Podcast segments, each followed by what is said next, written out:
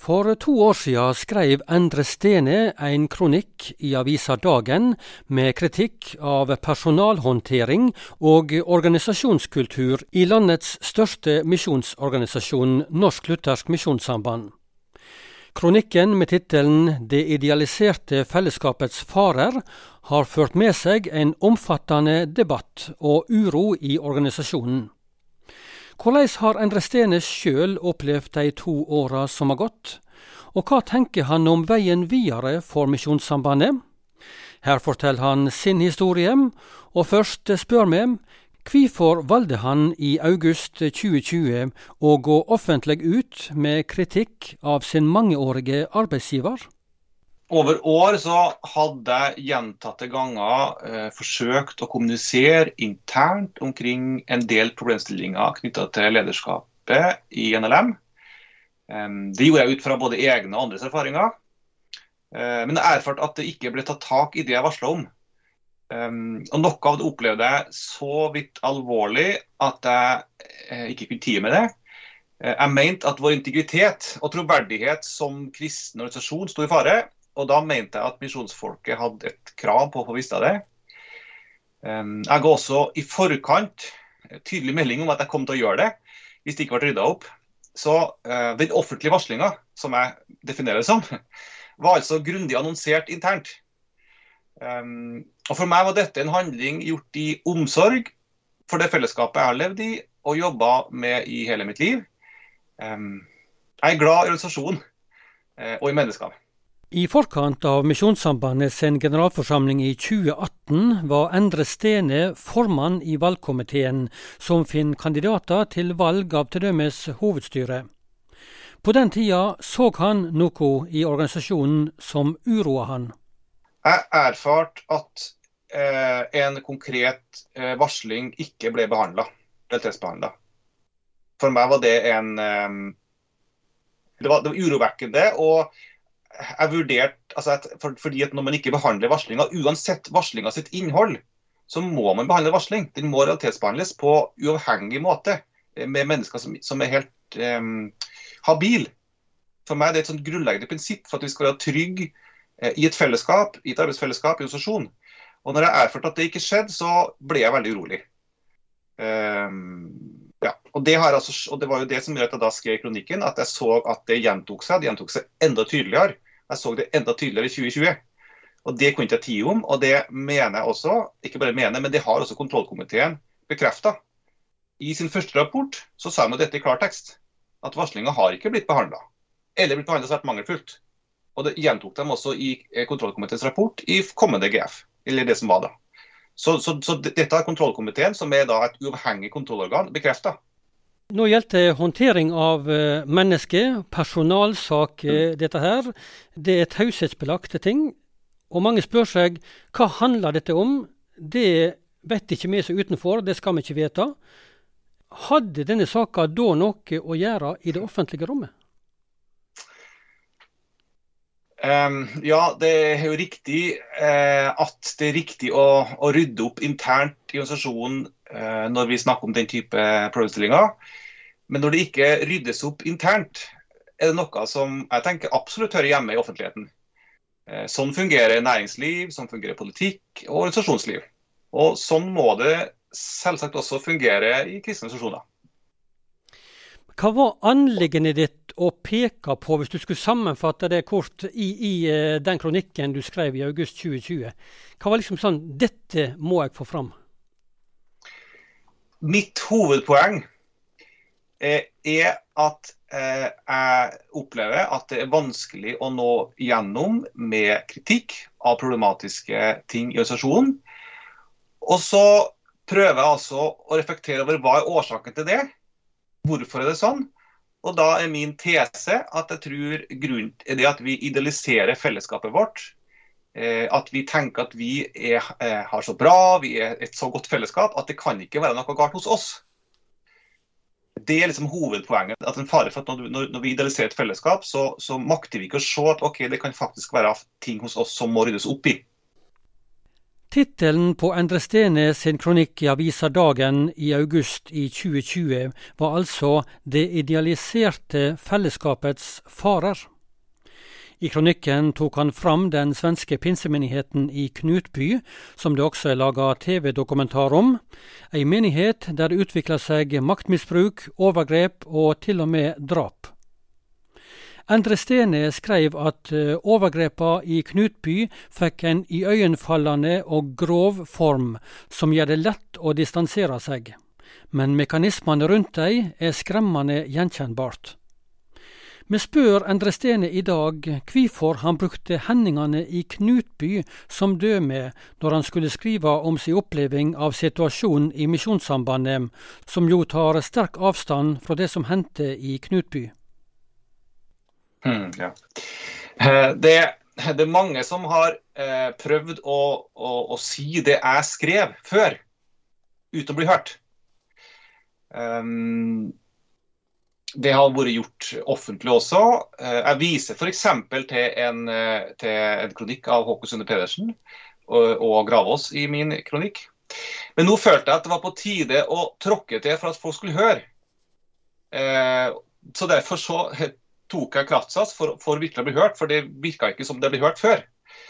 Eh, dessuten så eh, stilte IMF generalsekretær Erik Furnes stilt i en kronikk Indremisjonsforbundet sin eh, leder?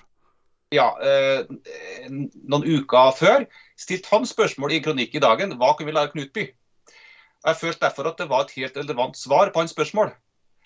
Eh, og den analogien jeg altså gjorde med Knutby, handla bare om én ting nemlig fraværet av sjølkritikk i fellesskapet. Men var det kommunikasjonsmessig lurt å bruke et uh, sånt eksempel uh, i etterkant? Det kan du selvfølgelig spørre om. Mange har stilt meg det spørsmålet.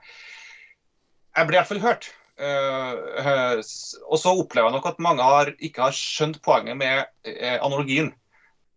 Eh, og at man liksom ikke har fått tak i at det jeg egentlig sier, er jo ikke at det er noen paralleller i hvordan dette utspiller seg, men altså fravær av selvkritikk og faren for at vi, når vi idealiserer et fellesskap, at vi tenker at vi er de ideelle, beste, gode fellesskapet, så mangler vi eh, så, så, så, så, mister vi liksom det kritiske blikket da, som jeg tror vi må ha for å ha gode og sunne fellesskap. Men etter du skrev kronikken i august 2020 eh, og en oppfølger i september samme år, hva tilbakemeldinger fikk du da? Eh, mange tok kontakt med meg de første dagene, ukene og månedene etterpå. Eh, jeg satt den høsten i times og dagvis og lytta til stadig nye alvorlige historier. Um, som gjorde inntrykk på meg og som gjorde meg trist, uh, men samtidig, som samtidig bevisstgjorde meg på at dette var riktig. Eh, mange eh, sa at de endelig opplevde å bli hørt og bli sett. Eh, de opplevde at de var ikke alene. Og problemet viste seg å være mye større enn det jeg skjønte når jeg skrev kronikken. Jaha. Ja, og, og, De senere tida så har det ikke vært så mye kontakt, men, men særlig første tida så, så, var det mye, mye respons som gjorde inntrykk på meg. Overraska det deg? Ja, absolutt. På hva måte? Definitivt. Nei, at det var så mange. Eh, så mange som tok kontakt. Så mange ulike historier, variasjoner over samme tema. Og jeg, når jeg, når jeg lytta, så prøvde jeg også å lytte meg til eh, er, det, er, det noen, er, det, noen, trekk som går igjen? For det, det var mange typer ulike sakskompleks. Men hva var det som gikk igjen her da, i disse tilbakemeldingene? Ja, det er også et stort spørsmål. Men det er nok, hvis du skal på en måte prøve å koke det ned til en sånn grunnleggende tanke, formulering, så tror jeg det handler om at man eh, har opplevd å møte en ledelse som ikke er villig til å, å uh, gå inn i reell, reell, dialog, virkelig lytte til ens erfaringer, ens opplevelser, eh, når en sier at noe er ikke er greit. Så kan det sies mye mer også om mønstrene, men det er, kanskje en sånn, det er kanskje ikke rom for å greie ut veldig mye om det, men det er kanskje en sånn hovedessens, tror jeg. Er det noe du angrer på i din håndtering? Du skrev for to år tilbake, debatten har rulla og gått. Er det noe du angrer i din håndtering? Jeg angrer kanskje primært på at jeg ikke har gått ut mye før. Eh, F.eks. så tenker jeg i dag at det var feil av meg eh, For jeg var jo leder i valgnemnda før forrige GF. Valgnemnda til generalforsamlinga og, og, valg til hovedstyret, sant? Ja, ja. Eh, til forrige GF i 20, det blir 2018. Eh, og det var Jeg burde ha gått av som leder da, for allerede da så oppdaga jeg ting som eh, gjorde meg veldig urolig og bekymra. Eh, så det kanskje angrer på at jeg har vært så treg eh, og forsiktig og ikke tørt. Og så er det én formulering i kronikken som var feil.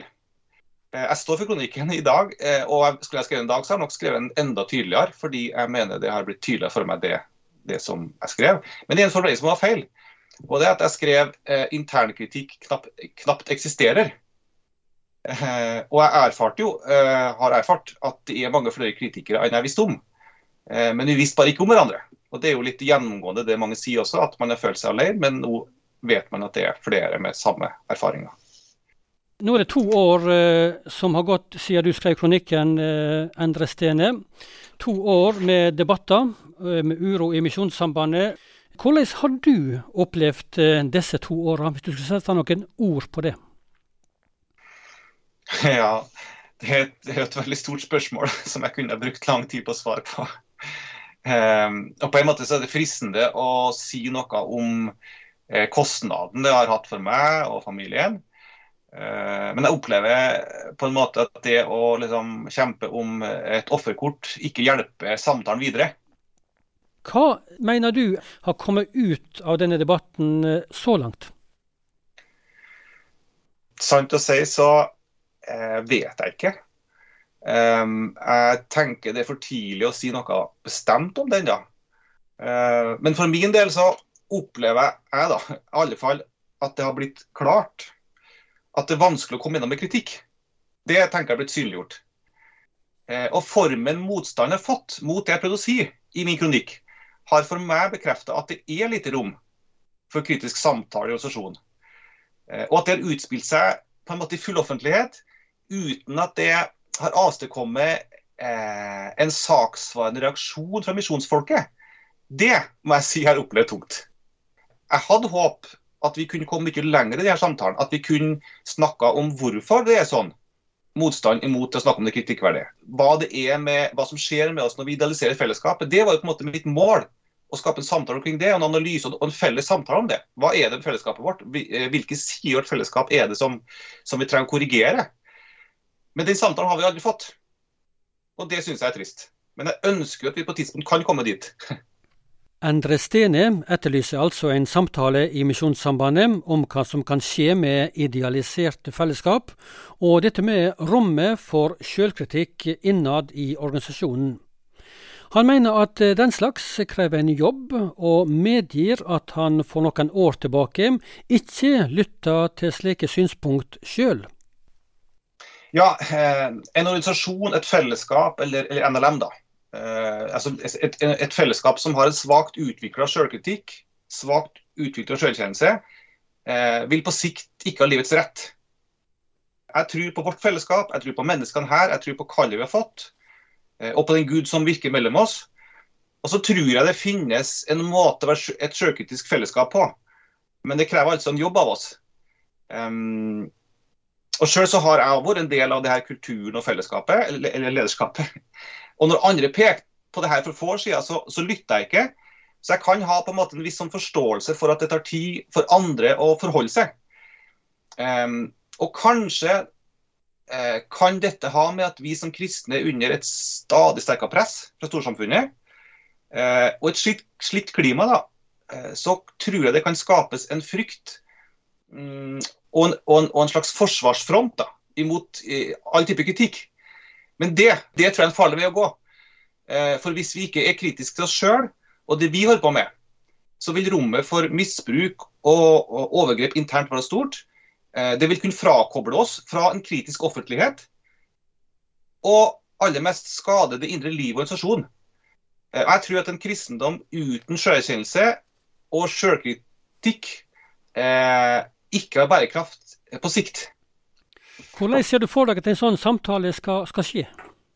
Ehm, det, det, er jo mye å si eh, om hvordan man skaper en, en god organisasjonskultur med, med, hvor det er plass for å snakke sammen og være uenig. Eh, men fra mitt perspektiv så tenker jeg i alle fall det må begynne med at vi våger å lytte til hverandre. Vi våger å ta inn hverandres historier, vi våger å la inn de berører oss. Sånn at vårt blikk på virkeligheten eh, formes eh, også av andres.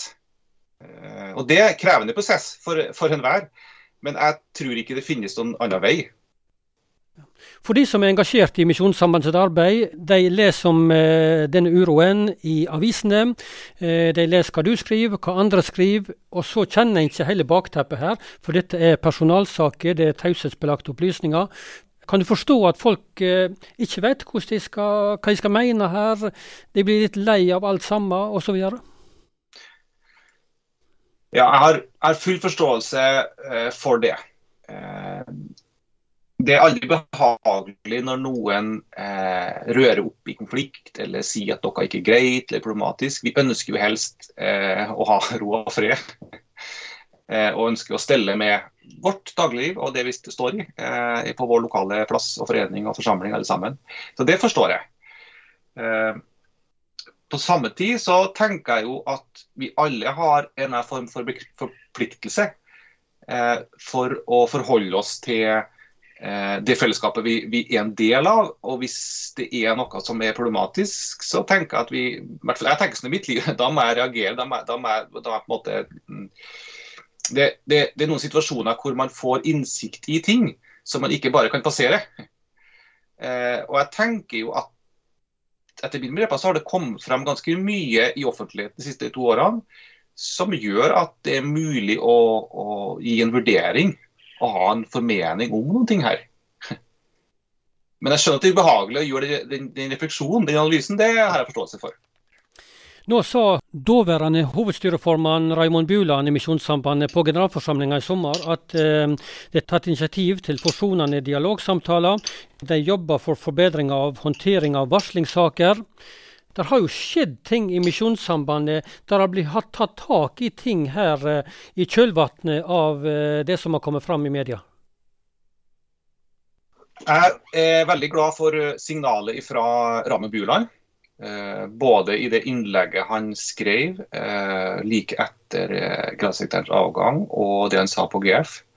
Eh, det har gitt veldig mange både varslere og folk som opplevde eh, vanskelige ting, eh, håp og tro på at vi har et hovedstyre som har skjønt problemene og som ønsker å ta det på alvor. Det har gitt for mange en, en trygghet og en ro, selv om det er mange venter og ønsker å bli kontakta. Men hva ønske har du framover nå for Misjonssambandet med tanke på dette temaet her? Jeg tror kanskje jeg har sagt det i det jeg har sagt tidligere, eh, at eh, jeg ønsker eh, Jeg har en håp og en drøm om en organisasjon som evner sjølkritikk og sjøkjennelse. Og så er det så mange som har sagt at de ber, og det er jeg glad for.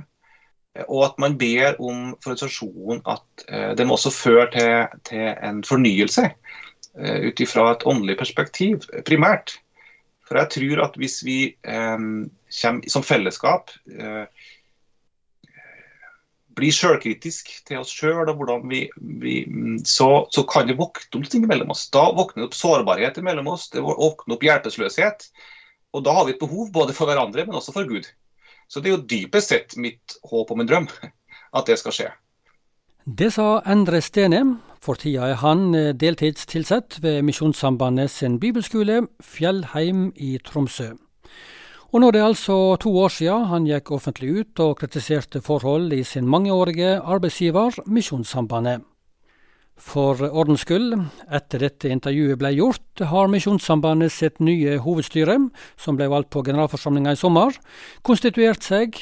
Knut Espeland er blitt formann, og Raimond Bjuland, som var nevnt i intervjuet her, er nå nestformann.